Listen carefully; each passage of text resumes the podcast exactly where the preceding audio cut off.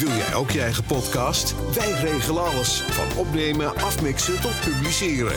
Ga naar rstaudio.nl voor meer informatie. Even iets anders. Dit is Smalltalk Podcast. Deze podcast is mede mogelijk gemaakt door RST Audio en Studio 2. Ga er maar voor zitten. Smalltalk de podcast. Even iets anders. Geen gebed, maar gesprek. Proef de sfeer, telkens weer. Welkom bij een nieuwe editie van Smalltalk. Smalltalk.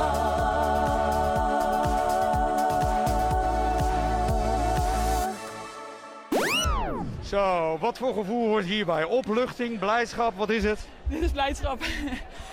ja, ik voel me echt alsof ik heb gewonnen. Want uh, voor mijn gevoel kwam ik wel een beetje uit de kansloze positie. En uh, na de afvalkoers was uh, denk ik ja, brons voor mij het hoogst haalbare. Gezien die meiden die voor me stonden. Ja, dat dat gelukt is, dat vind ik echt wel heel cool. Ja. Hoe belangrijk is het voor je dat je hier met een Olympische plak weggaat? Ja, ik vind het echt heel gaaf. Ook nadat ja, dat Amy en ik uh, vrijdag gewoon ongelukkig die wedstrijd uitvielen. Op de koppelkoers. Zo kan ik toch laten zien dat we samen, ja, dat we gewoon ontzettend goed waren. En uh, ja, dit is een beetje voor. Zo. Nieuwe editie van Smalltalk. En na de Olympische Spelen kan het natuurlijk, uh, of moet het natuurlijk een keertje over wielrennen gaan. En uh, aan tafel mij is aangeschoven Vulko van Geluk. Goedemorgen Vulko. Goedemorgen Ronald. Helemaal netjes in wielenkleding. Ik dacht, jij komt zo van de training af, maar niet dus. Nee, nee, nee. nee. Maar ik probeer altijd wel uit te stralen dat ik ergens bij hoor. Ja, dat, dat lukt. Is het, is het nieuwe tenue? Of, uh? Uh, nou, dit is wel de juiste kleding, zeg maar. Het is niet ah. helemaal nieuw, maar nu ik het aan kan, doe ik, er weer, uh, doe ik het graag aan. Uh, hebben jullie verschillende... Dat hadden wij bij de KNCB altijd. Ik moest even dagen een bepaalde kleur aan. Dus het was volgens mij uit mijn hoofd ook niet meer precies wit. En dan was de andere dag was oranje.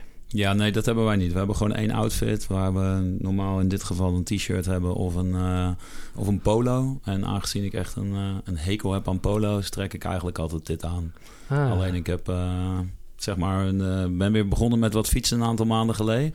En ik paste een t-shirt niet. Dus ik zat nog aan het oude t-shirt vast, die iets uh, ruimer, uh, ruimer was. nou ja, ik bedoel, ja. ik heb iets meer coronakilo's dan jij nu hoor. Ja, ja, maar ik heb ze er inmiddels afgetraind. ja, ik heb mijn fiets uit het vet gehaald. En ik had hem eigenlijk een beetje staan, omdat die... ik had nog zo'n fiets ooit een keer van Torwald gekregen. En die heb ik ingeruild dit jaar voor een Giant. Omdat Robert natuurlijk met Giant rijdt. Dus nou, dat moet wel.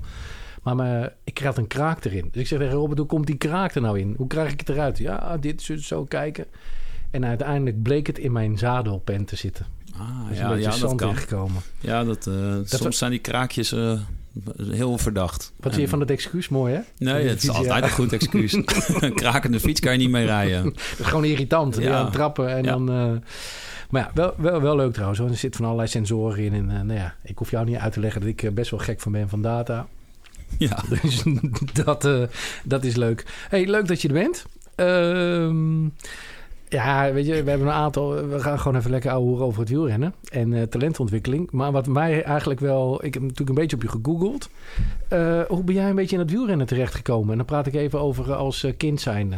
Um, nou ja, goed, mijn ouders die waren altijd aan een, uh, aan de club verbonden. Uh, mijn vader fietste, uh, weliswaar op nou ja, gewoon amateurniveau. Uh, maar die was wel heel gek van het fietsen. En uh, aan de hand daarvan kwam mijn moeder, uh, deed wat dingen bij een club. later in de jury terechtgekomen. Maar ehm, ja, ik ben heel jong in aanraking gekomen met RBC Ahoy eigenlijk. Um, altijd meegenomen naar de koers. En ik ben op ja, rondom een jaar of vijf op de club aangesloten. Waar toen nog wat toen ook heel levendig was. En ja, daar begonnen met pilonnetjes rijden, plankjes fietsen, sturen, uh, de basis. En um, ja, eigenlijk is dat nooit meer, dat bakseel is nooit meer weggegaan. Heb jij in een talentenprogramma gezeten als jong fietsertje? Of kwam jij meteen in een ploeg omdat je ergens... Uh... Um, nou, zeg maar alles doorlopend doorloop je natuurlijk een, een, verschillend aantal categorieën. Je gaat door de jeugd en je komt bij de nieuwelingen terecht. Je komt bij de junioren, kom je voor het eerst een beetje met selecties in aanraking. Districtselectie, um, toen de tijd, uh, nationale selectie... Um, de opstart van Rabobank vond plaats in mijn, uh, in mijn jaren als junior. Ehm, en later ben ik eigenlijk, toen ik, eh, toen ik overstapte naar de elite, direct in een, eh, in een ploeg terechtgekomen. Omdat ik ehm, nou ja, het toen relatief aardig deed. En ehm, ja, goed, dus ik heb eigenlijk, ben eigenlijk altijd wel overal mee in aanraking geweest. Toen de tijd ook als eerstejaars in de, in de baanselectie terechtgekomen. Wat toen totaal anders was als nu, uiteraard. Dus ja, en ik werd vrij snel beroepsrenner. En nou ja, goed, dat, uh, daarin kom je natuurlijk met van alles en nog wat in aanraking. Dus het, uh, het gaat zo snel dat je daar op dat moment ook niet echt bij stilstaat. Ja, je bent, je bent wel een tijdje bezig geweest. Begonnen bij Lotto, Belgische Lotto. Ja. Uh, daarna nog twee seizoenen gezeten bij cycling team Bert Story. Pels. Ja, drie, Pels. drie denk ik. Drie? Ja. En bij Jubink gezeten, Syntec. Ja. En afgesloten volgens mij bij uh, Continental Team, of niet? Ja, bij Coldstone, uh, bij ja. ben ik uiteindelijk gestopt door een blessure. En ehm, ja, ook niet meer omgekeken. Nee, was je er ook klaar mee? Dacht van nou oké, dit is einde carrière. of liep je, van, liep je zelf nog een beetje te sukkelen van ik wil eigenlijk wel, maar het lukt niet. Of ik heb er te veel last van, of het kost me te veel tijd? Nee, eigenlijk totaal niet. Ik was op dat moment er gewoon klaar mee. En, en de ploeg stopte. En um, ik, ik had nog enigszins het idee om een klein beetje af te bouwen op clubniveau. Um, maar dat was ook vrij snel eigenlijk uh, klaar. En ja, ik heb ook nooit meer omgekeken. Ik heb er ook geen seconde spijt van gehad. Nee, ik heb pas ook een gesprek met Joop Albeda. Waar ik zei van ja, iedereen, er zijn heel veel mensen natuurlijk die in die, en daar gaan we het straks even over hebben, over die talentontwikkeling, die iedere keer verder komen en maar verder willen gaan. Het lukt dan net niet. En maar doorgaan, en maar doorgaan. Maar het is ook wel ergens dat je moet zeggen, er is een punt. En dan, uh, dan meer kun je er niet uithalen. En wanneer durf je dat te zeggen? Maar dan heb je wel een hele mooie ervaring gehad. En dat vergeten mensen wel eens. Ze zien het als een teleurstelling van... ja, ik heb de Olympische Spelen niet gehaald. Ik heb dat niet gehaald. Maar uiteindelijk zijn ze wel heel veel wijzer geworden. Ja, nou ja, goed. Kijk, ik denk dat ik... omdat ik vrij vroeg uh, uh, beroepsrenner werd... Um, ja, die, die, die, die mentale weerbaarheid al heb opgebouwd... op een moment dat de allergrootste droom stopte natuurlijk... Um, door allerlei uh, randzaken. Nou ja, goed, dat, dat, dat geeft je een hoop bagage mee. En uiteindelijk zie je dan van, nou ja, uh, je kan het op het nationale niveau gewoon verder prima behappen. Maar um, ja, goed, dat vraagt ook wel iets van je. En um, ja, uiteindelijk ga je dan, op het moment dat ik eigenlijk tot de conclusie kwam van, het is goed zo, was ook dat ik het niet meer op kon brengen om harder te trainen dan het niveau dat nodig was om een keer voor een koersje, uh, om een koersje te winnen. Dat, dat surplus aan dat je uh, echt de beste wilde zijn, dat ontbrak. En het was gewoon meer van: oké, ik weet dat ik hiermee mee kan doen en meer hoef ik ook niet te doen. En um, ja, in principe is dat natuurlijk niet meer de instelling waarmee je jarenlang door kan gaan. En op dat moment ehm, was het ook gewoon goed. Ja, zometeen gaan we het hebben over jouw eh, baan als bondscoach uh, baanwielrennen. Uh, maar één ding zag ik ergens staan, volgens mij op Wikipedia. De bijnaam De Hulk. je bent niet groen, maar ik ben wel benieuwd. Wie heeft jou die bijnaam gegeven? Hoe kom je eraan? Goh, ja, ik heb eigenlijk geen idee wie hem echt heeft gegeven. Het was iets wat een beetje ontstond toen de tijd. En ik denk dat dat iemand daar een keer, een journalist volgens mij... want het is niet iets wat echt bedacht is door de mensen om mij heen... Um, ja, of het toepasselijk was of niet, dat weet ik niet. Ik ben vrij grote jongen. Dat was ik toen ook. Um, ja, of dat ik een hulk was of niet, ja, ik heb eigenlijk geen idee. Dus het was iets wat toen de tijd een beetje bleef hangen. Wat op een, uh, op een volgens mij op een van die eerste websites toen gebracht werd vanuit ja. het fietsen. En um, ja, nou ja, dat ze dat benoemen, ja, ik, uh, het zal wel. Nee, omdat jij voor mij er wel echt uitziet als een wegwielrenner, wat gewoon natuurlijk afgetrainde mensen zijn. En als ik nou nog bijvoorbeeld die baanjongens, die sprinters hier zou hebben, dan kan ik me nog voorstellen dat je dan de hulk wordt genoemd. Ja, want nee, ik, dat ik, zou veel, uh, veel ja, toepasselijker uh, zijn. Dat, bij mij was dat, was dat um, ja, het kwam toen om de hoek kijken, denk ik. Ik denk net voordat ik beroepsrenner werd, dat ze daar een beetje mee kwamen. Um, ja, goed, ik heb ook niet echt het idee dat het van de grond is gekomen. Ja, hey, uh, en ook iets wat ik ook nog uh, ergens hoorde of tegenkwam, was uh, dat jij altijd denkt van oké, ga eerst doen en dan denken. Ja, ja, nou ja, dat is iets wat mij, wat mij typeert. Um, ik denk ook niet dat het. het is ook niet altijd even handig, dat, dat proces. Um, maar goed, om, om dingen gewoon gedaan te krijgen. Um, en en ja, om, om in ieder geval ergens te starten, ben ik daar vaak mee bezig. En ja, je kan dingen wel blijven overdenken, maar soms moet je gewoon doen. En um, ja, weet je, ik heb gewoon zoiets van als ik als iets in me, in me te binnen schiet, dan pak ik het aan en, en ik kijk gaandeweg het proces van waar het uitkomt. En soms stoot ik daar enorm mijn neus mee, omdat ik er gewoon niet, niet goed genoeg over na heb gedacht. En het een ingeving bleek te zijn die, niet, die niks brengt of, of, of bracht. Ehm, maar over het algemeen is het wel zo dat ik in het proces waar ik, eh, waar ik dan uh, over het algemeen lange termijn over nadenk, dat ik ook gewoon doe. Want ja, ik bedoel, als, als, als iedereen denkt van ik doe niks en er alleen maar over nadenkt, dan gebeurt er gewoon niks. En ik wil gewoon dat er dingen uh, gebeuren. En ja, uiteindelijk zou je dan ook gewoon moeten doen. Als je een talent selecteert of die kom je ergens tegen, doe je dan ook eerst? Um, of ga je dan nog wel even een beetje onderzoeken en wat testjes doen of het uh, een huwelijk voor lange termijn kan zijn? Over het algemeen, als ik echt uh, gecharmeerd ben van iemand, of, uh, of, of als ik zie van dit zou wel eens iets, kunnen zijn, dan pak ik meteen over het algemeen helemaal uit. Ik, ik hou niet zo van half werk. Um, het ligt nog een beetje aan de leeftijdscategorie, omdat we natuurlijk verschillende benaderingen hebben per leeftijdscategorie, ook met de baan. Dus daar zitten een aantal facetten waardoor je niet altijd meteen maximaal kan uitpakken. Maar als iemand zich aandient bij mij met ambitie en we zien dat zitten en, en er is enige potentie, hè, zeker met, met, met, met de grote talenten. Um, die al links of rechts iets hebben laten zien. Hè, zo is het ook wel weer. Het moet, moet wel ergens uh, iets tastbaars zijn. Ja, dan, uh, dan pak ik wel graag uit. Hey, uh, nou, even terugkomend op de Olympische Spelen. Het was genieten. Ik heb er veel voor opgezeten. En hier stond de tv aan. Zeker als Slippers hier binnen zat, dan hoeft hij er echt niet uit. Ehm, is Nederland oppermachtig in het wielrennen? oppermachtig weet ik niet. Ik denk wel dat we... Um, ja, zeker in de, in de top drie van, van de landen horen. Hè. Bij de mannen is de top natuurlijk iets breder. Bij de dames zijn we natuurlijk het meest toonaangevende land. En op de baan voor wat we doen zijn we ook gewoon um, ja, fantastisch goed bezig. Uh, in het veld rijden, we zijn uh, BMX, uh, mountainbiken, noem het maar op. We doen overal mee. we winnen nu op de Paralympische Spelen vandaag ook weer, weer het eerste goud in het wielrennen. baanwielrennen. Um, ja, we zijn wat dat betreft gewoon een, een, een natie uh, die op twee wielen uh, mede domineren.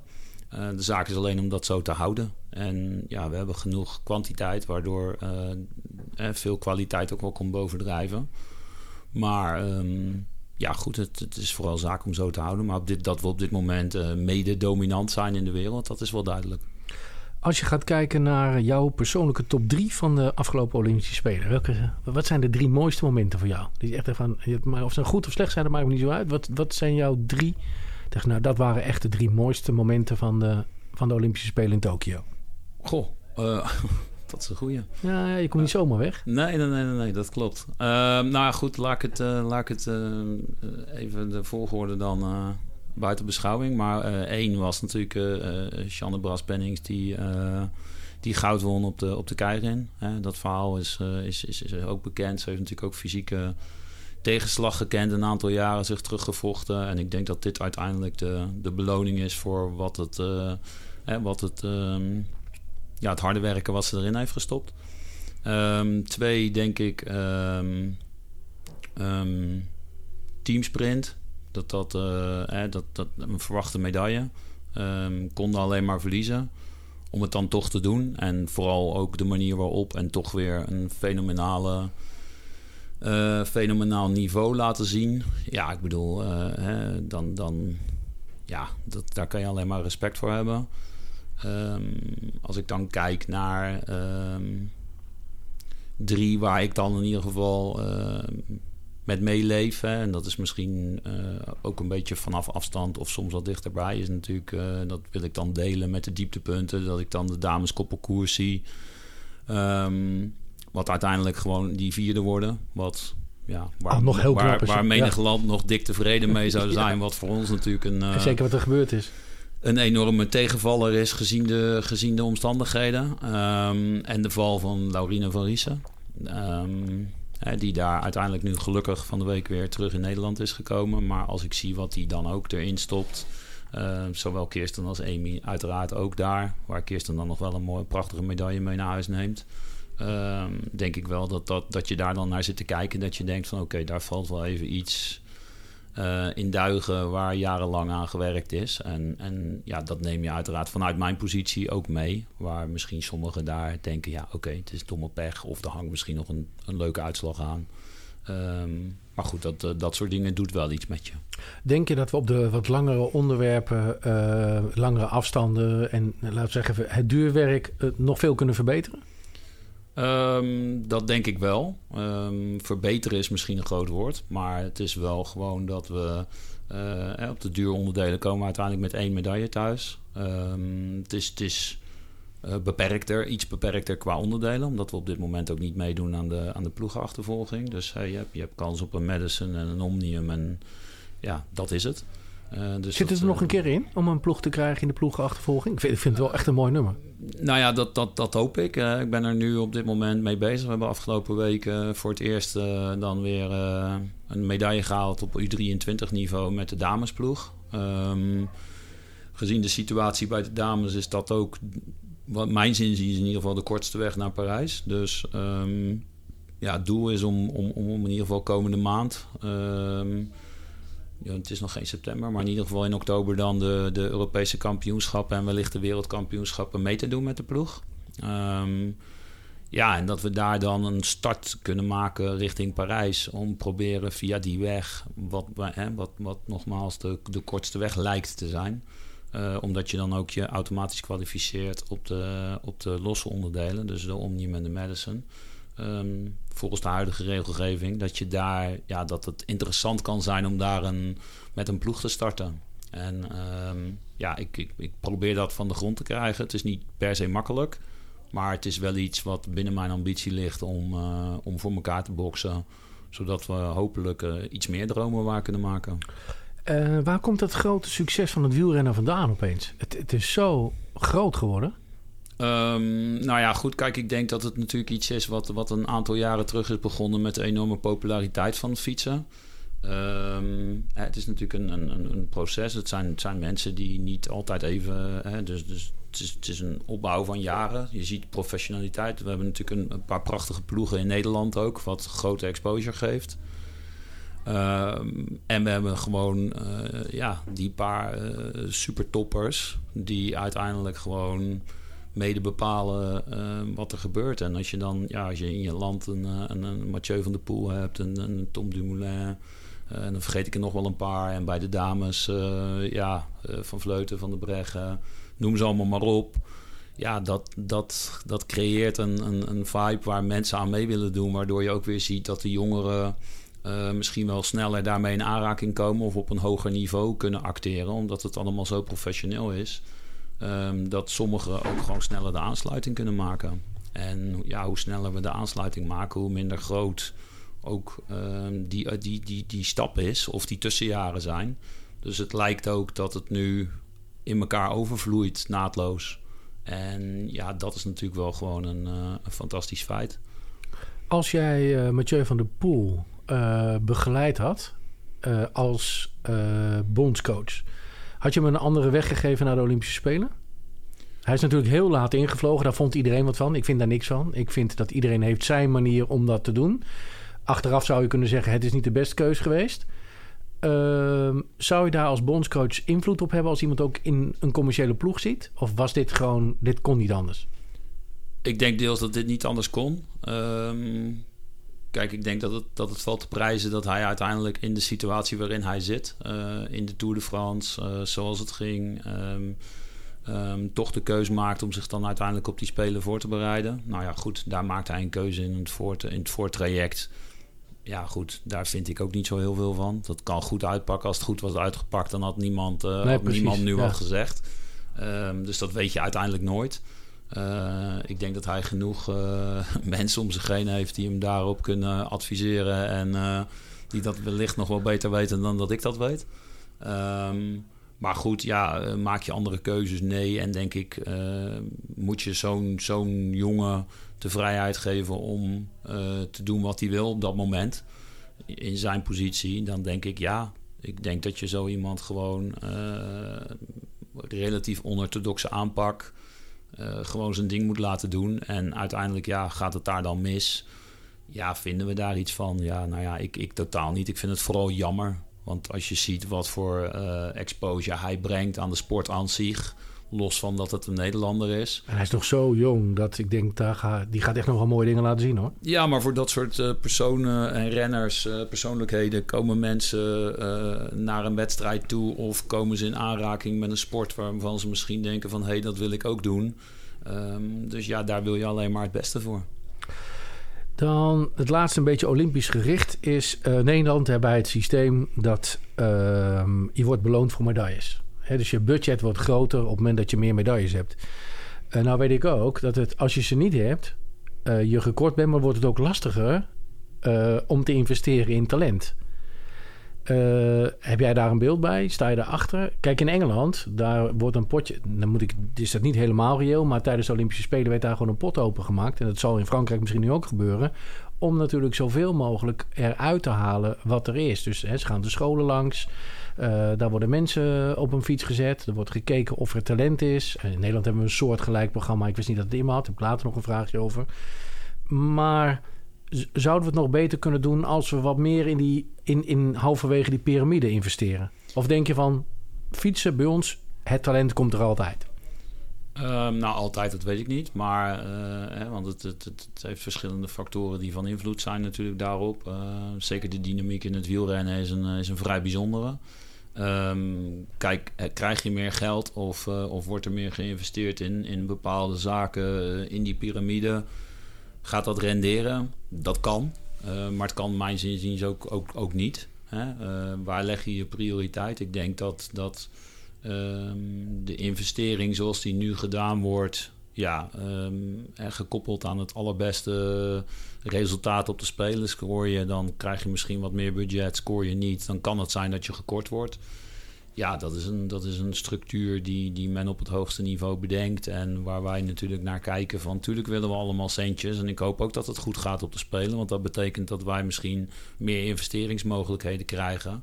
Aan de andere kant uh, het opbouwen van iets um, en uh, de beleving die dat creëert, vaak met niks, is vele malen groter dan het feit wanneer je uh, centen te spenderen hebt en maar bedenkt van, nou ja, god, het, het, het, geld klotst tegen de plinten en we doen maar wat.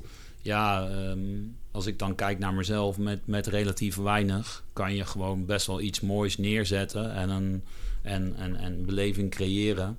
Um, kan het beter? Ja, dat kan het altijd. Maar ik denk wel dat de mooiste dingen ontstaan vaak uit passie en overtuiging. Ja. En daar, daar kan geen cent tegen op. Want de sfeer of uh, vertrouwen of een band creëer je niet met geld.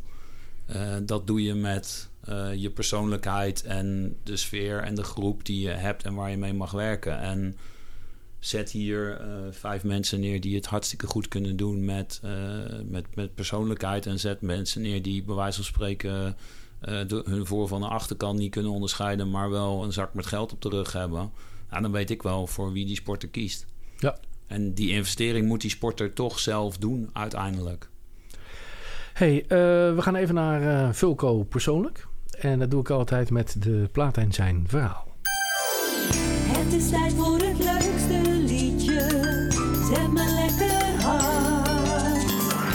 Pop, rock of gouden ouwe. Speciaal voor jou. Kom maar op met je verhaaltje. Zetten wij het liedje klaar. Even tijd voor wat anders. Smolten voor jou.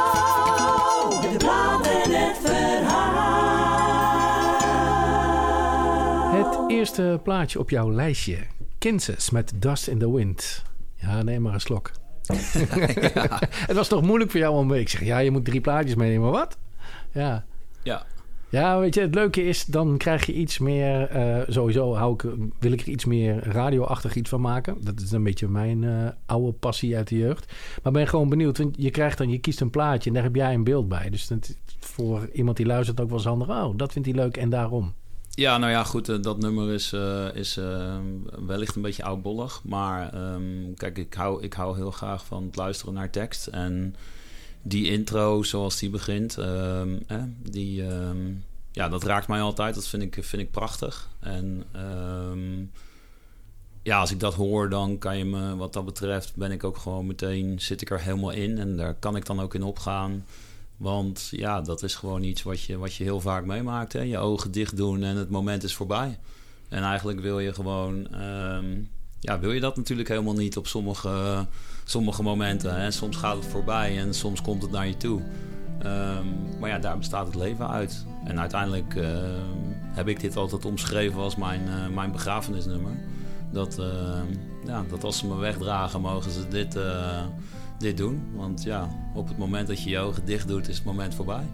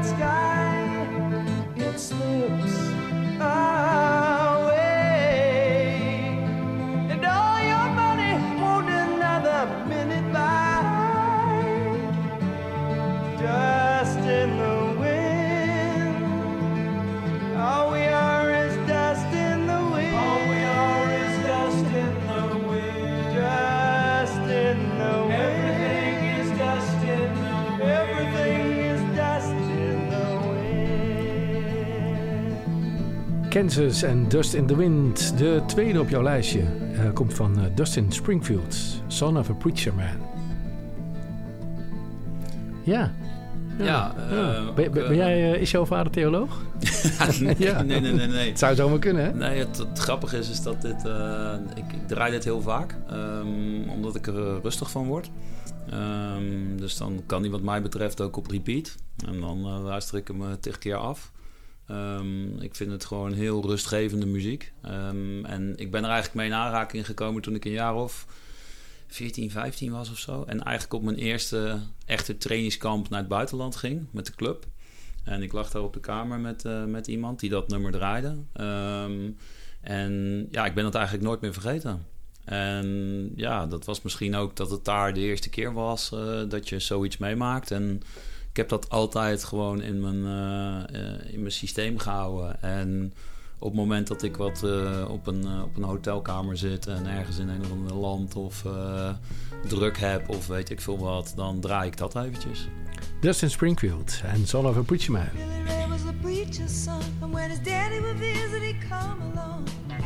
When they gathered around and started talking, Cousin Billy would take me walking. Out through the backyard we go walking. Then he looked into my eyes. Lord knows to my surprise, the only one who could ever reach me was the son of a preacher man. The only boy who could ever teach me was the son of a preacher man. He was. He was. Mm, yes,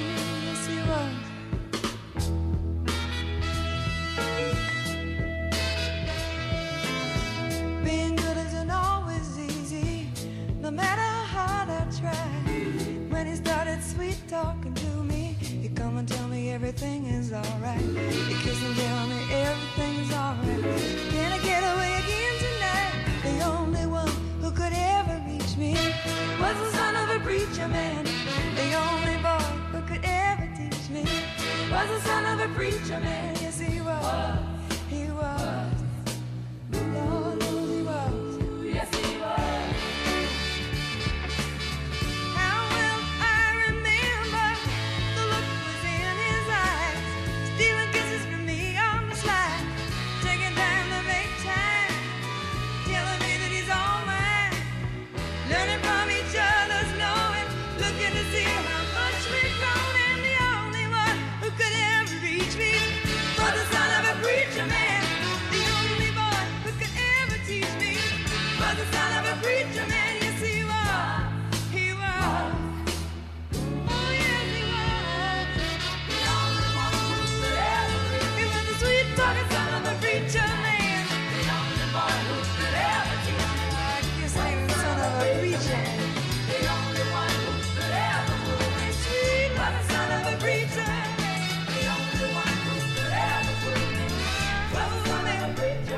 Laatste in de favoriete top 3 van Vulko Geluk. Eh Sandstorm. Ja. Ja, eh, dat, is, eh, dat schoot me eigenlijk later binnen, want ik was een beetje aan het nadenken daarover. Ehm, en ik vond dit wel heel toepasselijk, want het is een nummer wat een beetje dateert uit begin 2000.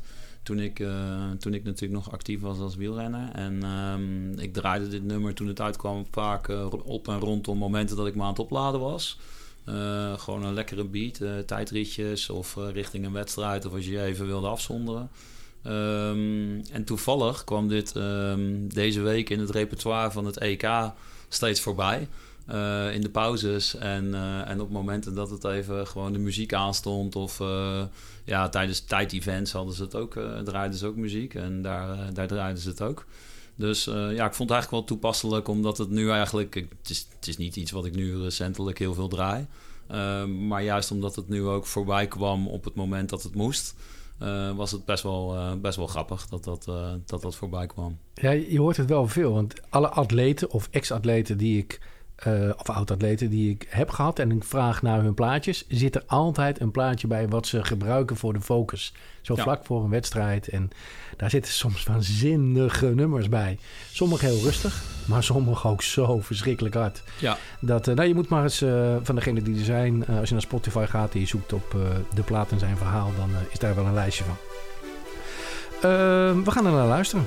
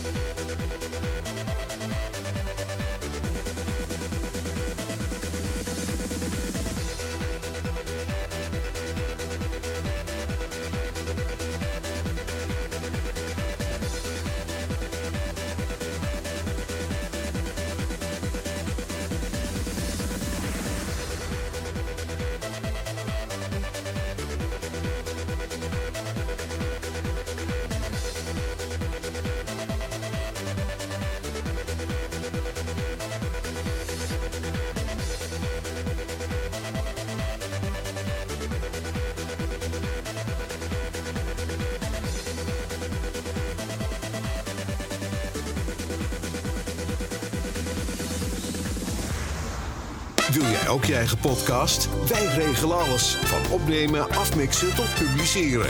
Ga naar rstaudio.nl voor meer informatie.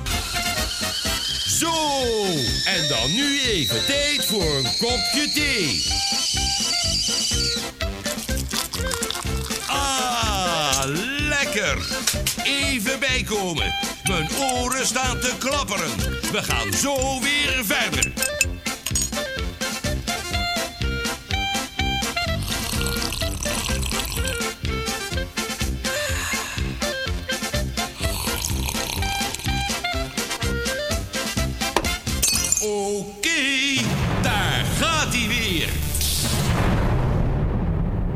Oké, na het luisteren van de muziek gaan we back in business. En ehm, ja, een van mijn favoriete onderwerpen, ik heb er twee eigenlijk nog voor je. Eén is technologie, waar wij natuurlijk samen eh, een projectje doen.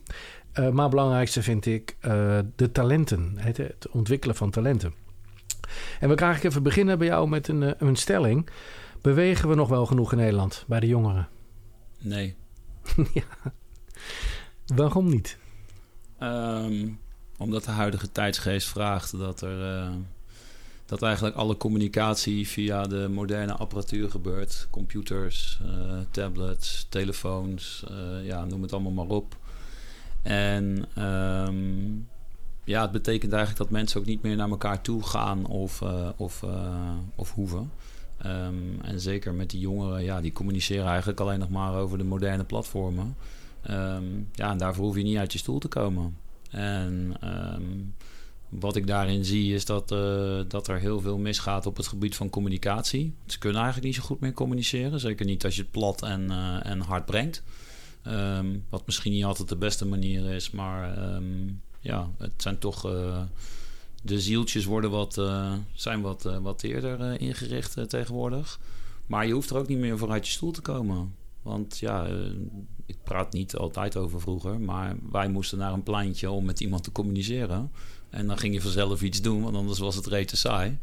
En nu ehm, ja, hebben ze heel de dag interactie op die telefoon eh, of op andere dingen. En ehm, ja, ze hebben ook heel de dag prikkels. Dus ze weten eigenlijk ook niet meer wat saai eh, eh, is. Nou, je hebt En- tegenwoordig e-sports. En ik, ik heb pas dat boek van Allet Kalf gelezen. Om, van Allet Kalf, omdat die ook hier in de podcast komt. En daar, die, zegt, die hekelt gewoon echt e-sports. Want je bent dan niet meer bezig met de sport. Je bent goed met je joystick. En ehm, dat heb je natuurlijk ook als je gaat kijken met... ehm, nou, ik vind eh, de tax en eh, Swift mag je niet zien als... denk ik een spelletje. Dat kun je ook nog in een trainingsvorm doen. Ja. Maar toch, ik denk wel dat we meer eh, moeten bewegen buiten. Ik, ik denk trouwens ook dat het begint bij het onderwijs. Vroeger hadden we even in mijn discipline zwemmen. Er was zwemonderwijs. Ik denk dat, er, dat daar zijn er niet veel meer. Er zijn niet veel meer basisscholen waar gezwommen wordt. Nee, ja, nou ja, als ik, eh, als ik kijk, eh, eh, bij ons hebben we zeg maar eh, ook, nou ja, ik heb ook drie kinderen. ehm, waarbij we, we ook hebben, hebben gekeken naar een school waar, waar, waar zeker sport een belangrijke rol speelt. Ehm, en, en, en we dat ook zeker stimuleren. Alleen, ehm, ja, goed, het is gewoon heel heel moeilijk om dat eh, te doen. En, en je ziet wel, hè, die, die, die kinderen doen verschillende dingen. Dus dat is wel grappig en, en leuk om te zien. Maar ehm, ja, om dat, om dat echt voor elkaar te krijgen, dat is best wel een, eh, best wel een uitdaging. En eh, ja, in ons geval is het van oké, eh, ze gaan. En, eh, en eh, niet, niet allemaal trouwens, maar ze gaan en ze komen weer terug. En ik weet niet hoe snel ik weer overga tot orde van de dag. En dat is bank hangen en een beetje krom zitten. En ehm, ja, we gaan weer verder. Ja, ja ik, zie, ik zie het heel veel. Het baart mij ook wel zorgen. Ik had met Joop Albert daar er pas over. Die eh, heeft een eh, programma gestart samen met een aantal bekende coaches. En dat vond iedereen heel interessant. Want die is van mening dat als wij met z'n allen beter en meer gaan bewegen... hebben we ook veel minder medicijnen nodig. Zijn we ook veel minder ziek. Ja, nou ja, dat, dat, bedoel, dat is de waarheid als een koe. Dat, eh, dat, dat spreekt voor zich. Ik bedoel, iedereen, ik heb het zelf ook meegemaakt. Eh, eh, afgelopen winter was ik, wat, was ik wat minder fit door het werk. En het liep maar door en het ging maar door. En uiteindelijk eh, heb je zelf wat minder motivatie om, om, om ook aan jezelf te werken. En ehm, nou ja, op dit moment eh, fiets ik weer een beetje ook om, om, om om de kop leeg te maken af en toe. En je voelt je gewoon jezelf gewoon tien keer beter. En het is, het is een bepaalde mindset die dat creëert. En ehm, ja, ook daarin komt eigenlijk altijd wel weer een beetje de sporter bovendrijven. En dat is ook niet dat je een top, per se een topsporter moet zijn of weet ik veel. Maar gewoon het feit dat je, dat je leert je grenzen opzoeken op verschillende eh, manieren. Betekent dat je dat op elk mogelijk niveau in het leven eh, ook gewoon kan toepassen. En ja, dat betekent dat je gewoon ook, eh, eh, want laat me vooropstellen dat topsport gezond, eh, gezondheidstechnisch misschien niet de beste, de beste optie is. Ehm, maar ja, zolang mensen gezond zijn en een klein beetje normaal doen, en dan kan je volgens mij nog prima hartstikke leuk leven. en je een keer laten gaan. Ehm, ja, dat betekent dat je, dat je gewoon een stuk gezonder bent. En ja, ik bedoel, de, dat aan mensen hun eigen keuze om, om dat te doen. Alleen ja, nu is de stimulans vanuit wat ons allemaal aangereikt wordt vanuit het moderne leven, ehm, maakt dat het allemaal minder, minder voor de hand liggend is. En de keuze om iets vanuit de bank te kunnen doen veel groter is. En dat zie je nu met thuiswerken, met COVID. Het werkt er ook allemaal niet in de hand. Als je, dan ga ik even verder naar het talent. Je hebt, je hebt mensen bij je, ook allemaal jeugd, die uiteindelijk eh, op de fiets zitten. Eh, bij jou zit volgens mij BMX, baan, weg. BMX is volgens mij wel een apart programma, maar je, ziet ze volgens mij wel in het begin. Eh, bepaal jij waar het grootste talent van iemand zit? Hoe, hoe, hoe werkt dat? Hoe start je zo'n ploeg? Hoe komt iemand erin?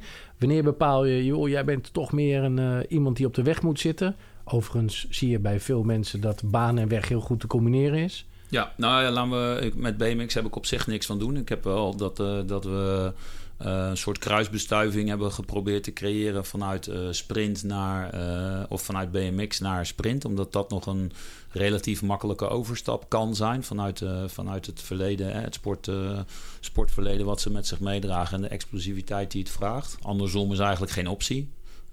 Omdat je niet zomaar even ja, van die schans kan gaan. En dat vereist gewoon bepaalde dingen die je niet, niet meer kan bijbrengen op dat moment.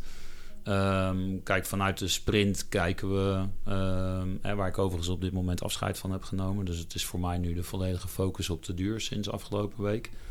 Ehm, dus kijken we naar van, ja, wat voor kwaliteiten heb je? Die komen inderdaad uit, eh, uit talentdagen. Dat komt soms ook uit passie, soms uit het feit dat het puur toeval is. Hè? Dat ze op een NK-baan eh, in aanraking komen dat een duurrenner een sprintonderdeel doet en het heel leuk blijkt te vinden en misschien ook wel aanleg blijkt te hebben. Hè, sommige van onze sprinters hebben natuurlijk ook een wegverleden. Uh, Matthijs Bugli heeft lang op de weg gefietst. eh eh, Hetty van der Wouw, Sjanne Braspennings. eh, de mensen uit de BMX, eh, Harry Levrijs, eh, Roy van den Berg, eh, Jeffrey Hoogland. Zijn, zijn weer andere, totaal andere types, zeg maar. Dus het, ja, soms is dat een beetje, een beetje toeval. Eh, soms kan het ook door blessures zijn, hè, zeker vanuit BMX. Ehm, zit daar echt een, een, een, hele grote gedachte achter? Ja, je probeert op die talentdagen mensen op bepaalde capaciteiten wel eruit te pikken. Maar dat blijft wel heel moeilijk, omdat dat over het algemeen wel iets is wat weer geen eh, trainingsverleden met zich meedraagt. Dus je start eigenlijk helemaal nieuw. En ja, dan is wel eens de vraag van krijg je dat dan helemaal op poten binnen een x aantal jaar? Want ja, goed, het gaat wel gewoon door. Je hebt niet, je hebt geen tien jaar om je te ontwikkelen, zeg maar. En sommigen vragen dat misschien wel. ehm, of hebben dat wel nodig. Maar ja, dat is niet in eh, de praktijk. En vanuit de duur zie je gewoon dat de betere wegrenners eh, met feeling voor de baan, want je moet wel degelijk daar natuurlijk eh, mee geassocieerd kunnen worden, dus zelf dat voelen. Ehm, kan je in ieder geval wel wat, wat makkelijker eh, kom je bovendrijven, zeg maar. Ehm, en dan kunnen we dat zien. Maar goed, het, het, ehm, ja, en dan doen we allerlei testen en dat soort zaken. En, maar vaak zie je dat toch gewoon vanuit uitslagen. Je pikt er iemand uit, je kijkt eens even naar de thread van, van hoe ze op een versnelling, hoe ze daarmee omgaan, hoe ze sturen, hoe ze zich manifesteren, hoe ze zich tactisch gedragen. Ja, dan kan je er wel va- vaak iemand uitpikken en daar probeer je dan eh, mee verder te bouwen. Heb jij wel eens mensen gehaald uit het NOC-NSF-programma? Ik wist niet dat ik het in had. Dus iemand die daar in die pool gaat zitten. Vaak, eh, toen ik bij de Triathlonbond ging werken... ik heb me gefocust op mensen die uit het zwemmen kwamen. Die het gewoon in het zwemmen niet gingen halen. Maar wel kunnen lopen en fietsen. Eh, heb jij ook dat soort systemen? Ik kan me voorstellen dat iemand die uit schaatsen komt... best goede benen heeft. Daar wordt ook heel veel gefietst. Ja, nou, we hebben in, in, in ons geval ook iemand uit het schaatsen. Daan Kool, afgelopen week Europees kampioen op de kilometer. Komt oorspronkelijk ook uit het schaatsen. Eh, is via een RTC doorgestroomd. Hè. Laten we de RTC's ook in dit geval niet, eh, niet vergeten als, als, als trainingsfaciliteit waar mensen hun ding kunnen doen. Ehm, de testdagen in dit geval hebben wij een aantal mensen van. Die heb ik zelf niet gehad, omdat ik uiteindelijk dat traject eh, nu twee jaar twee, en een beetje eh, heb gedaan. Ehm, hoeveel RTC's hebben jullie? eh, wij hebben zeg maar eh, Alkmaar, eh, eh, Apeldoorn, eh, Amsterdam ehm, en eh, nu de nieuwe baan in Assen. Dus wij hebben er in principe vier. Ehm, en die werken nauwgezet samen, waarbij natuurlijk Alkmaar en Amsterdam bijvoorbeeld ook relatief dicht bij elkaar zitten. Ehm, ja, goed, en daar proberen we dan rondom die wielerbaan eh, met de vrijwilligers die dat doen. Ehm, Staan daar, staan daar trainers betaald door de KNWU? Of staan daar eh, goedwillende ouders? Of staan daar mensen betaald Daar- door een... Daar staan wel trainers eh, die daar in sommige gevallen een, een, een, een, een piepkleine vergoeding uit kunnen halen. Maar over het algemeen is het gewoon vrijwilligerswerk. Ehm, en die mensen stoppen daar eh, enorm veel tijd en energie in. Ja, maar ergens plak jij het Ehm, plaatje RTC erop, dus regionaal trainingscentrum van de KWU. Dus ik neem aan dat je dan ook wel gaat kijken of de kwaliteit van het totaalplaatje en de programma's die ze leveren, dat dat uiteindelijk natuurlijk wat gaat opleveren voor je. Ja, nou ja, dat, dat is ook zo. Maar eh, op dit moment wordt dat zeker ondersteund ook door de KMU. ehm, en, en, en uiteindelijk ook NOC. En we zijn nu aan het kijken hoe we daar zeg maar eh, nog meer kwaliteit kunnen waarborgen om eh, het RTC moet op een bepaalde manier zijn broek ook ophouden. Het wordt niet gefaciliteerd op een manier dat het eh, volledig betaald kan worden. Ehm, dus daar is ook een, vraagt ook een investering van de renners zelf. Eh, die daaraan meedoen. Ehm, ja, goed. En, en, en daarvoor moet je ook eh, een stukje zelf betalen. Waar ik helemaal niet op tegen ben, overigens. Ehm, ja, goed. En het is ook daar natuurlijk weer afhankelijk van hoeveel tijd er vrijgemaakt worden voor de vrijwilligers. En het zou eh, fantastisch zijn mocht je dat helemaal kunnen inrichten met gesubsidieerde trainers die een volledig salaris ontvangen daarvoor. Maar aan de andere kant moet je natuurlijk ook wel kijken naar eh, eh, kosten-batenverhouding. Is dat reëel en kan je die investering doen op een relatief eh, klein programma? Ehm, ja, goed, denk ik dat dat zoals het nu is, zeker naar gekeken kan worden van hoe kunnen we dat beter maken. Maar aan de andere kant, ehm, ja goed, moet je ook gewoon kijken van wat faciliteren we aan iedereen en waar, waar, wat willen we er uiteindelijk uithalen. En ik denk tot op heden dat het vrij goed is gegaan. Alleen door de eh, dynamiek in het wielrennen dat er misschien wel nu eh, stappen gemaakt moeten worden om de kwaliteit te kunnen waarborgen voor de toekomst. Hoe verbind jij alle atleten eh, in een RTC zodat ze uiteindelijk gaan passen in jouw programma? Ehm, nou goed, kijk, vanuit de RTC's ehm, hebben wij eh, in de winter, zoals ik er in ieder geval naar kijk, werk ik met mijn vaste selectie. Qua junioren laten we dat eigenlijk ook bij de RTC's. Hè, tenzij ze ergens in mijn programma instromen, om welke reden dan ook, en daar eh, contact maken. Hè. Vaak zijn dat renners die als eerstejaars of als tweedejaars een EK of een WK kunnen deelnemen. Die worden over het algemeen eh, in beeld gebracht door de RTC's. Die aangeven van nou goed, hè, wij hebben een goede renner. Eh, dat wordt bekeken op het NK. Die uitslagen nemen we dan mee. Eventueel nog links of rechts een ander wedstrijdje. Ze zijn vrij om uiteraard ook internationale wedstrijden te starten. Ehm, en daarna hebben daarnaast hebben wij dan nog het Interland. Eh, dus dat wordt in Omnisport gehouden. Dat is het grootste Interland ter wereld. Junioren-event eh, buiten het WK om. Eh EK, WK om. Waar eh, ja, heel veel landen samenkomen om ehm, ja, ook de potentie te kunnen bekijken van hun eigen, eh, van hun eigen renners. Ja, en daar selecteren we dan ook op, omdat we relatief goed kunnen zien daarvan waar je dan internationaal staat. En vanuit dat oogpunt kan je dan ook weer bekijken van, hè, zijn ze goed genoeg voor een EK of WK? Moeten we er misschien iets aan schaven? Moeten we daar iets voor inrichten? Ehm, maar bij de junioren laten we dat... Hè, is, het, is het in ieder geval... Om, ook omdat het niveau van een junior... eh, richting U23 of misschien wel elite... Ja, dat zijn zulke grote stappen... dat je dat ook niet allemaal in één keer in elkaar kan... eh, eh, in elkaar kan laten, laten vallen. Dus ja, daar moet je gewoon keuzes maken. Als je, je krijgt zo'n talent bij je en ik, die, die zal een beeld van zichzelf hebben dat hij de nieuwe Tom Dumoulin is. En die wil zich heel erg focussen op de weg, terwijl jij langs de zijkant kijkt en denkt van ja, weet je, volgens mij moet jij gewoon baanduur gaan doen, want dat past veel beter. Maken dat mee. Die, eh, een Tom, al, al die wegwenners, daar weten ze van. Als ik daar kom, kan ik een goede zak met geld verdienen. Ja. dus ik nou kan ja, me voorstellen dat ze daar heel erg op focussen. Maar ik kan me voorstellen dat jij als talentcoach, eh, of als bondscoach nu, kan kijken van ja, weet je, misschien is het wel niet zo slim. En dan moet je eigenlijk gaan kiezen voor de baan. Ehm, kun je mensen dan nog gemotiveerd houden? Ehm, nou het ja, verwachting, hè? Het is verwachtingsmanagement. Ik bedoel, iedereen wil de nieuwe in het zwemmen Ranomi worden. Of, eh, maar ja, dan moet je wel 50 vrij en 100 vrij hard kunnen zwemmen. En je, het zou maar zo kunnen zijn dat je gewoon beter bent op die 200 of 400. Ja, ik maak altijd gewoon een, eh, een, een, een kansberekening. Zeker op jonge leeftijd. Ehm, kijk, we zijn niet allemaal eh, de nieuwe Pochakar eh, van de Poel. eh Bernal, jongens die op, op, op ultra... eh even de Poel die op ultra jonge leeftijd... eh, eh, laten zien eh, dat ze een Tour de France bijvoorbeeld kunnen winnen... of welke willekeurige klassieker dan ook. Sommigen hebben daar meer tijd voor nodig.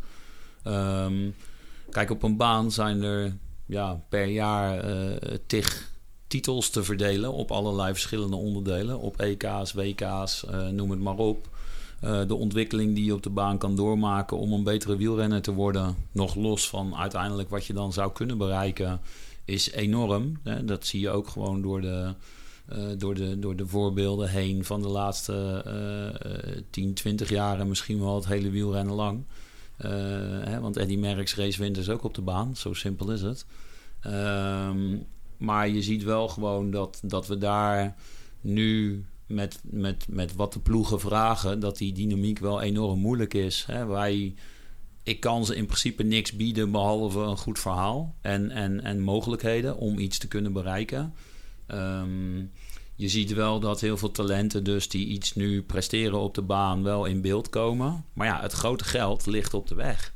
En eh, de exposure ligt op de weg. Eh, de keuze om een koers op de baan te doen... eh, ten, ten nadele van bijvoorbeeld een willekeurige klassieker... kan betekenen dat je in de kwalificatie van een willekeurige wedstrijd... gewoon langs de kant staat omdat je het niet haalt. Hè, dat overkomt de beste. Ehm, dat risico en, en, en die kwetsbaarheid is natuurlijk eh, voor sommigen eh, enorm en ook enorm moeilijk. En ehm, hoewel de ploegen allemaal zijn overtuigd van het feit dat de baan een absolute meerwaarde is op hun eh, ontwikkeling, ehm, is, is, is de vrijheid om, dat, om daar iets mee te kunnen doen, ehm, ook deels door de programma's. Hè. Het is niet altijd dat, dat men niet wil meewerken. Maar soms ja, eh, eh, kom je in een spagaat terecht waar het niet kan. Ehm, ja, en ik heb natuurlijk altijd dat ik de baan eh, prefereer. Maar ja, goed, ik probeer daar altijd wel heel erg open over te zijn. Maar sommigen die willen ook de keuze niet maken of die kunnen het niet. En dan sta je van, ja, eh, sta je met je verhaal. Ja. Terwijl het hoeft niet. Want als, ik, als we even dicht bij huis gaan kijken, Stam en Slippens hebben het toch best goed gedaan in al die zesdaagse waar ze allemaal gingen fietsen. En daar kun je best volgens mij van leven, heb ik begrepen. Ja, nou ja, in hun tijd waren er natuurlijk nog wel wat meer zesdaagses. Hè. Waren er ook wel wat sponsoren, denk ik, eh, uiteindelijk. Eh, Danny en Robert waren natuurlijk ook niet de, het exceptionele supertalent op de weg. Hè, waar ze op de weg het, het, het, het, het allergrote geld binnen konden halen. Ehm, die begeleiding is natuurlijk ook wel enorm veranderd. Want er wordt van, hè, want ik kwam toevallig bij hun in de ploeg als, als, als jonge renner. Ehm, kijk, en ik reed daar rond. Ja, je werd in principe aan je lot overgelaten. Ik bedoel, je training deed je thuis en dan kwam je op zaterdag bij een wedstrijd en dan was het van eh, succes. En ging het goed, eh, dan had je het goed gedaan. Ja, en, trappen, eh, trappen. ja. Vooral trappen. en, en, en, en, en, en reed je slecht, dan moest je of harder trainen. En reed je te vaak slecht, dan, dan, dan kon je er niks van. Ja, eh, nu is het natuurlijk zo dat, dat, dat menig eh, eh, jonge renner een, een maximale begeleiding krijgt. Even los van of dat, dat goed of slecht is. Ehm, dus, dus dat hele traject is, is totaal anders. Dus, en het wordt ze natuurlijk altijd gespiegeld als ze in een, in een opleidingsploeg terechtkomen. Is dat met als doel om prof te worden. En in onze tijd hadden wij alleen Rabobank bijvoorbeeld. En daar was dan de kans best groot. Maar waren er ook geen vijf of zes. Ehm, ja, en nu zie je door alle, alle ontwikkelingen en, en mogelijkheden... en vooral dat ze ook steeds jonger inzetten... dat ze ook op jongere leeftijd dus misschien keuzes moeten maken... of denken te moeten maken... die eh, alles, wat alles enorm eh, snel en op jonge leeftijd beïnvloedt... waardoor ze misschien dingen laten schieten... waar ze achteraf spijt van zouden kunnen krijgen. Ja, keuzes maken blijft natuurlijk als talent heel moeilijk. Hè? Weg, eh, een mooi beeld. Maar er komt ook een deel van uit huis. Hè, iemand eh, kan goed fietsen, heeft talent daarvoor. Eh, hoe ga jij en hoe ga je om en hoe begeleid je talenten en ouders op deze route om te voorkomen dat ze naast hun schoentjes gaan lopen? Nou, ik moet eerlijk zeggen dat ik eigenlijk vanuit het begin eh, altijd ook het standpunt eh, eh, aanhoud dat, dat ik eigenlijk heel weinig met ouders verder communiceer. Hè, niet zozeer dat ik om ze heen loop. Ik bedoel, ik kan gewoon normaal met ze praten. En, maar ik, ik, ik, ik geef altijd aan dat ik gewoon met de renners communiceer en wil communiceren. Zodra als er een probleem is of als er iets moeilijk gaat of als er iets niet naar wens is, kunnen ze dat uiteraard natuurlijk gewoon allemaal bespreken. Maar eh, ja, het contact is gewoon met de renner. Ik bedoel, ik hoef niet met een ouder te communiceren over wat ik met een, eh, wat, wat ik met een renner moet, moet bespreken. Hè, dat, dat, dat, die, die jonge eh, renners en rensters moeten zelf ook ontwikkelen en moeten uiteindelijk leren dat ze zelf hun, voor zichzelf op kunnen komen in bepaalde situaties. En dat betekent niet dat ouders helemaal buitenspel hoeven te staan. Daar gaat het helemaal niet om. Ehm, maar je ziet nog steeds wel, ik maak ook mee dat eh, als er dingen niet goed gaat, een ouder gaat bellen. Ja, Ik, wij hadden vroeger altijd de, gou- gouden driehoek. Hè? Dus coach, eh, atleet en ouder. Hè? Dus zo vingen wij het een beetje op. Ehm, is, eh, krijg jij die signalen wel? De- merk jij van oké, nu moet ik even ingrijpen, want er is te veel druk vanuit huis? Ehm, ja, ik heb ja, in mijn geval, eh, hè, mijn, mijn, mijn methodiek is ook wel dat ik heel erg dicht bij de renner sta. Dus ik heb ook wel intens contact met veel. Dus ik weet over het algemeen wel wat er speelt en wat er gebeurt. Ehm, en ik probeer dat niet zozeer met een ouder te confronteren van... goh, wat ben je aan het doen, tenzij ze ervoor openstaan. Ja. Hè, want je ziet wel dat sommigen het, het niet in de gaten hebben... dat ze misschien die druk Nee, opleggen. En Ja, dan is- kan je het daar ook over communiceren.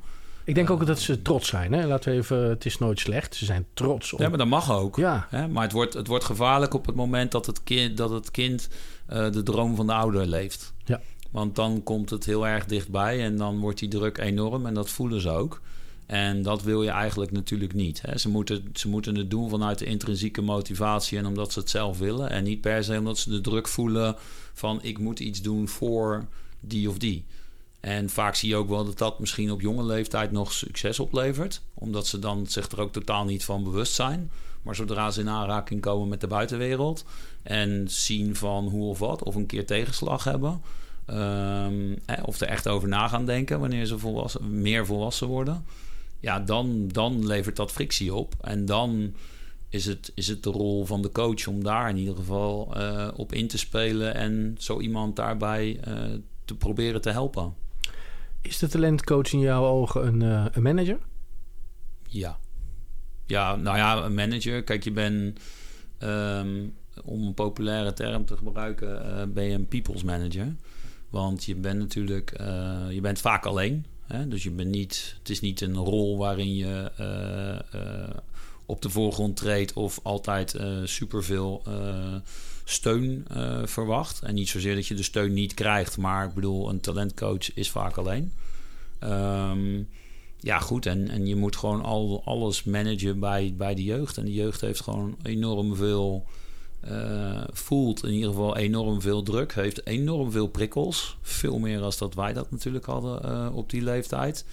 En het verwachten, en wat ik voornamelijk constateer, is het verwachtingspatroon wat ze zichzelf opleggen, is gewoon enorm hoog. Hè, je ziet gewoon van oké, ik behaal succes en een uur later zijn ze alweer bezig met het volgende. En dat is ook een beetje inherent aan de sport natuurlijk. Maar ik probeer ze wel bij te brengen van geniet van het moment. Want ja, ik bedoel, wie weet wanneer je het weer meemaakt. En misschien is dat ook een stukje relativering wat je, waarmee je moet op, passen dat ze het niet kapot relativeren of gaan relativeren.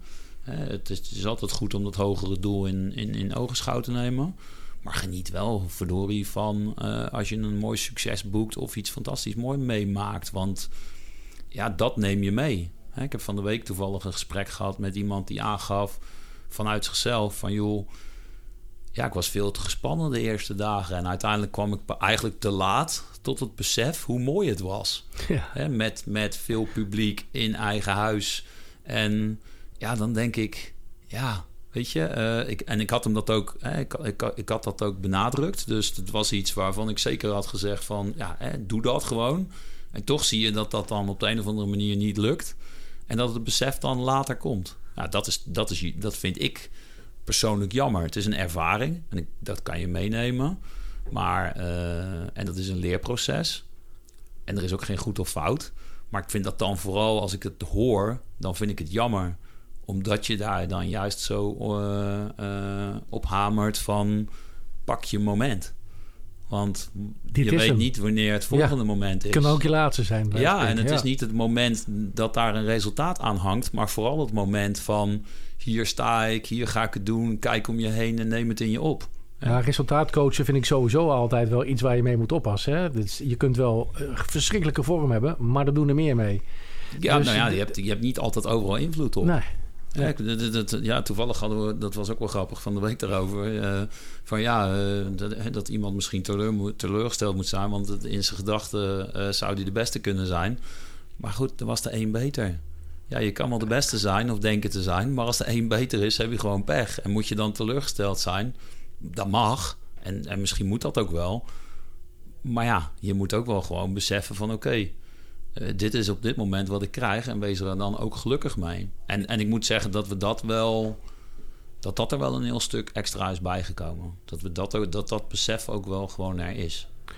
Vind jij dat er meer wielerbanen moeten komen in Nederland? Zijn er genoeg binnen? Zijn er een paar buiten? Twee echt goede, nou drie binnen. Amsterdam. eh, Het, het, Alkmaar, het, het kan, altijd, het kan altijd helpen. Ehm, maar je moet je ook afvragen van, is het, is het, dan, hè, is het dan een meerwaarde? Hè, als, je, het- als je het doet, moet je het goed zijn het er genoeg, denk je? Eh, nou, zouden As- we- As is nu nieuw volgens mij, ja, As, ja. eh, As zal ook overdekt worden. Dus hè, de, de, zeg maar alles van boven de rivieren eigenlijk is relatief goed afgedekt. Ehm, dat je ervoor in de auto moet stappen, ja, dat, dat, dat Is kan. nou helemaal dat is zo. nou eenmaal zo, Ja. maar dat moet je eigenlijk voor alles. En we leven eigenlijk in een kikkerlandje, want... Ik bedoel, in sommige landen is prima als je 300, 400 kilometer in de auto stapt en die malen er niet om. En wij doen moeilijk over 50 kilometer. Ehm, kijk, onder de rivieren, dat stuk, zeg maar, ja, daar zou je, daar zou je zeker wel een baan kunnen gebruiken. Hè, om, om, om nog een stuk land af te dekken. Ehm, maar ja, goed, ja, dat, dat is op dit moment niet. En eh, ja, heb je links onderin ergens een baan en rechts onderin nog ergens een baan in Nederland, dan zal dat ongetwijfeld iets kunnen opleveren. Ehm, maar ja, goed, is dat ter plekke ook rendabel? Dat, is, dat is een beetje de vraag. Als je nu kijkt naar het, een beetje het laatste onderwerp. Als je nu gaat kijken naar ehm, jouw hulpmiddelen. Wat zijn een beetje de innovaties die jij eh, gebruikt op dit moment? Ehm, nou ja, op dit moment eh, ehm, hebben wij natuurlijk gewoon maken we gebruik van de, van de powermeters. Eh, dus die, die, die, die middelen die hebben we. We hebben eigenlijk alle middelen om eh, een renner meetbaar te kunnen maken. Ehm, Kan dat voor iedereen al? Heb jij iedereen dat- al dat op de vermogensmeter dit moment, dat kan op dit moment nog niet voor iedereen. Er zijn er ook een aantal die hebben daarin zelf geïnvesteerd. Hè. Dat is eigenlijk het eerste wat we zeggen. Van ja, als het kan, investeer erin. Want dan is het van jou. En dan, ja, ik bedoel, dat is de makkelijkste weg. Maar goed, uiteraard is niet iedereen even vermogend of... eh, Krijgen ze allemaal meteen een fiets als ze bij jou een programma komen, bijvoorbeeld? Fietsen Eh, van jullie niet- zijn wel niet- echt uitgedacht. Ja, niet allemaal eh, tegelijk. Maar uiteindelijk als je, heb, ik, heb ik in ieder geval de, de insteek, als het kan, dat, dat we, wanneer je aan een groot toernooi meedoet, dat je van een fiets wordt voorzien. En dat je daarmee dan ook in het programma wordt opgenomen. En daar doen we, eh, ja, daar proberen we een roulatiesysteem te doen. Dat als je er goed, eh, als je er vaak bent of je zit erin, dan kan je dat doen en je droom najagen. En na een x aantal jaar, of als het niet lukt, ja goed, dan nemen we hem weer in en dan proberen we daar weer iemand anders mee te voorzien. Ehm, voor mezelf eh, ja, gebruik ik uiteraard jouw tool. Hè, dus de, de Coachwatch, waar, we, waar ik in ieder geval alles in terug kan zien en mijn data kan opslaan van de dagdagelijkse zaken die tijdstechnisch op de baan gebeuren. Ehm, we, hebben uit, eh, we hebben vanuit de bond eh, ook eh, tools daarmee waarmee we alles kunnen zien en opslaan en live data kunnen, kunnen, kunnen aanhouden. Zijn jullie ook nog bezig met een systeem? vroeger hadden wij ehm eh, Sport Online. Waar je eh atleten kon monitoren. Monitoren je atleet nog? of Is dat een beetje Ja. uit? Nee, soms dat, komt het eh, op, soms is het weg. Ja, nee, dat, dat, die tools hebben we wel allemaal. Uiteraard hebben we natuurlijk ook gewoon de dingen die eh, online verkrijgbaar zijn. Hè? De training peaks, eh, eh, alle andere eh, zaken die we daar... eh, ehm, eh, die daarvoor beschikbaar zijn. Dus we kunnen in principe alles monitoren. Eh, die zaken hebben we ook vanuit NOC. Eh, voor de mensen op Papendal. Dus ook daar hebben we een, een, een platform waar we eh, qua begeleiding met fysio's, eh, voedingsdeskundigen, lifestyle, co- lifestyle coaches, kunnen daar allemaal in. Ja, en daar kan je de dagdagelijkse zaken van de sporter monitoren. Alleen dat is wel iets wat. ehm, dat is natuurlijk best wel veel werk om dat te monitoren. Zeker als je met beperkte capaciteit zit. En je ziet ook wel dat dat wel iets van de sporter vraagt. Dus dat is ook wel een stuk intrinsieke motivatie van iemand die daar. Sommigen gaan daar enorm serieus mee, mee om. En willen ook, eh, als je in, in een training peaks kijkt, die willen alles op maat aangeleverd krijgen. En sommigen willen toch wat meer ruimte om daar wat mee te kunnen spelen. En doen één keer per week of één keer per maand een, een, een, een bepaalde setup van hier heb je alle data weer en dan kan je weer mee voort.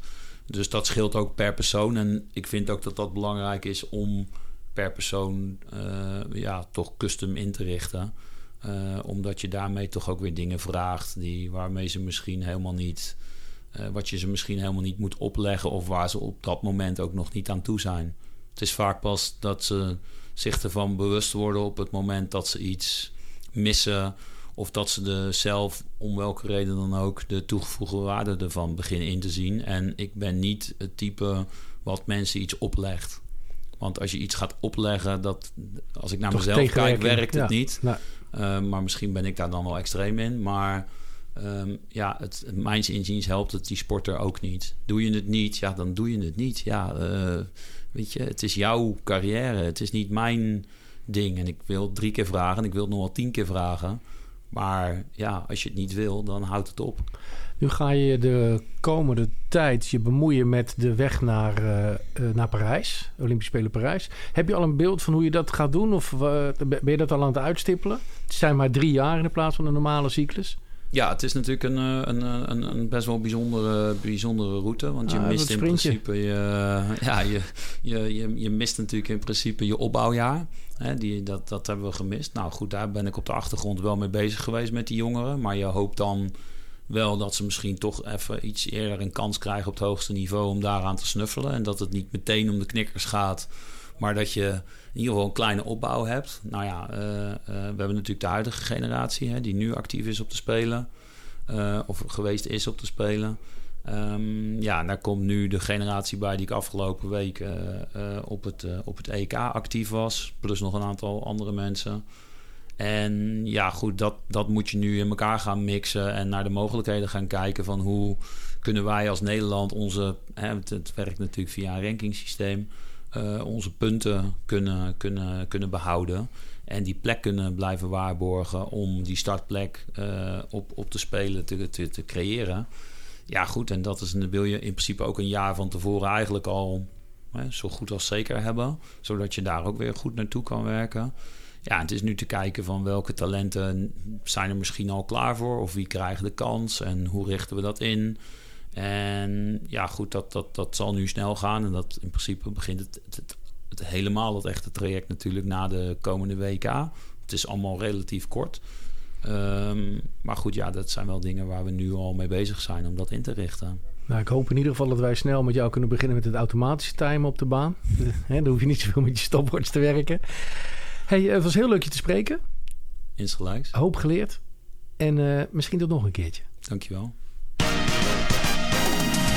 Dit is Smalltalk Podcast.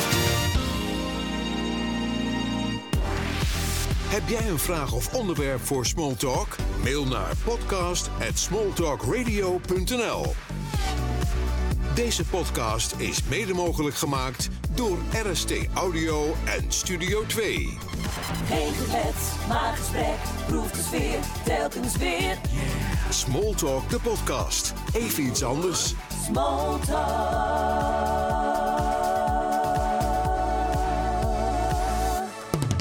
ook je eigen podcast? Wij regelen alles. Van opnemen, afmixen tot publiceren. Ga naar rstaudio.nl voor meer informatie. RST Audio.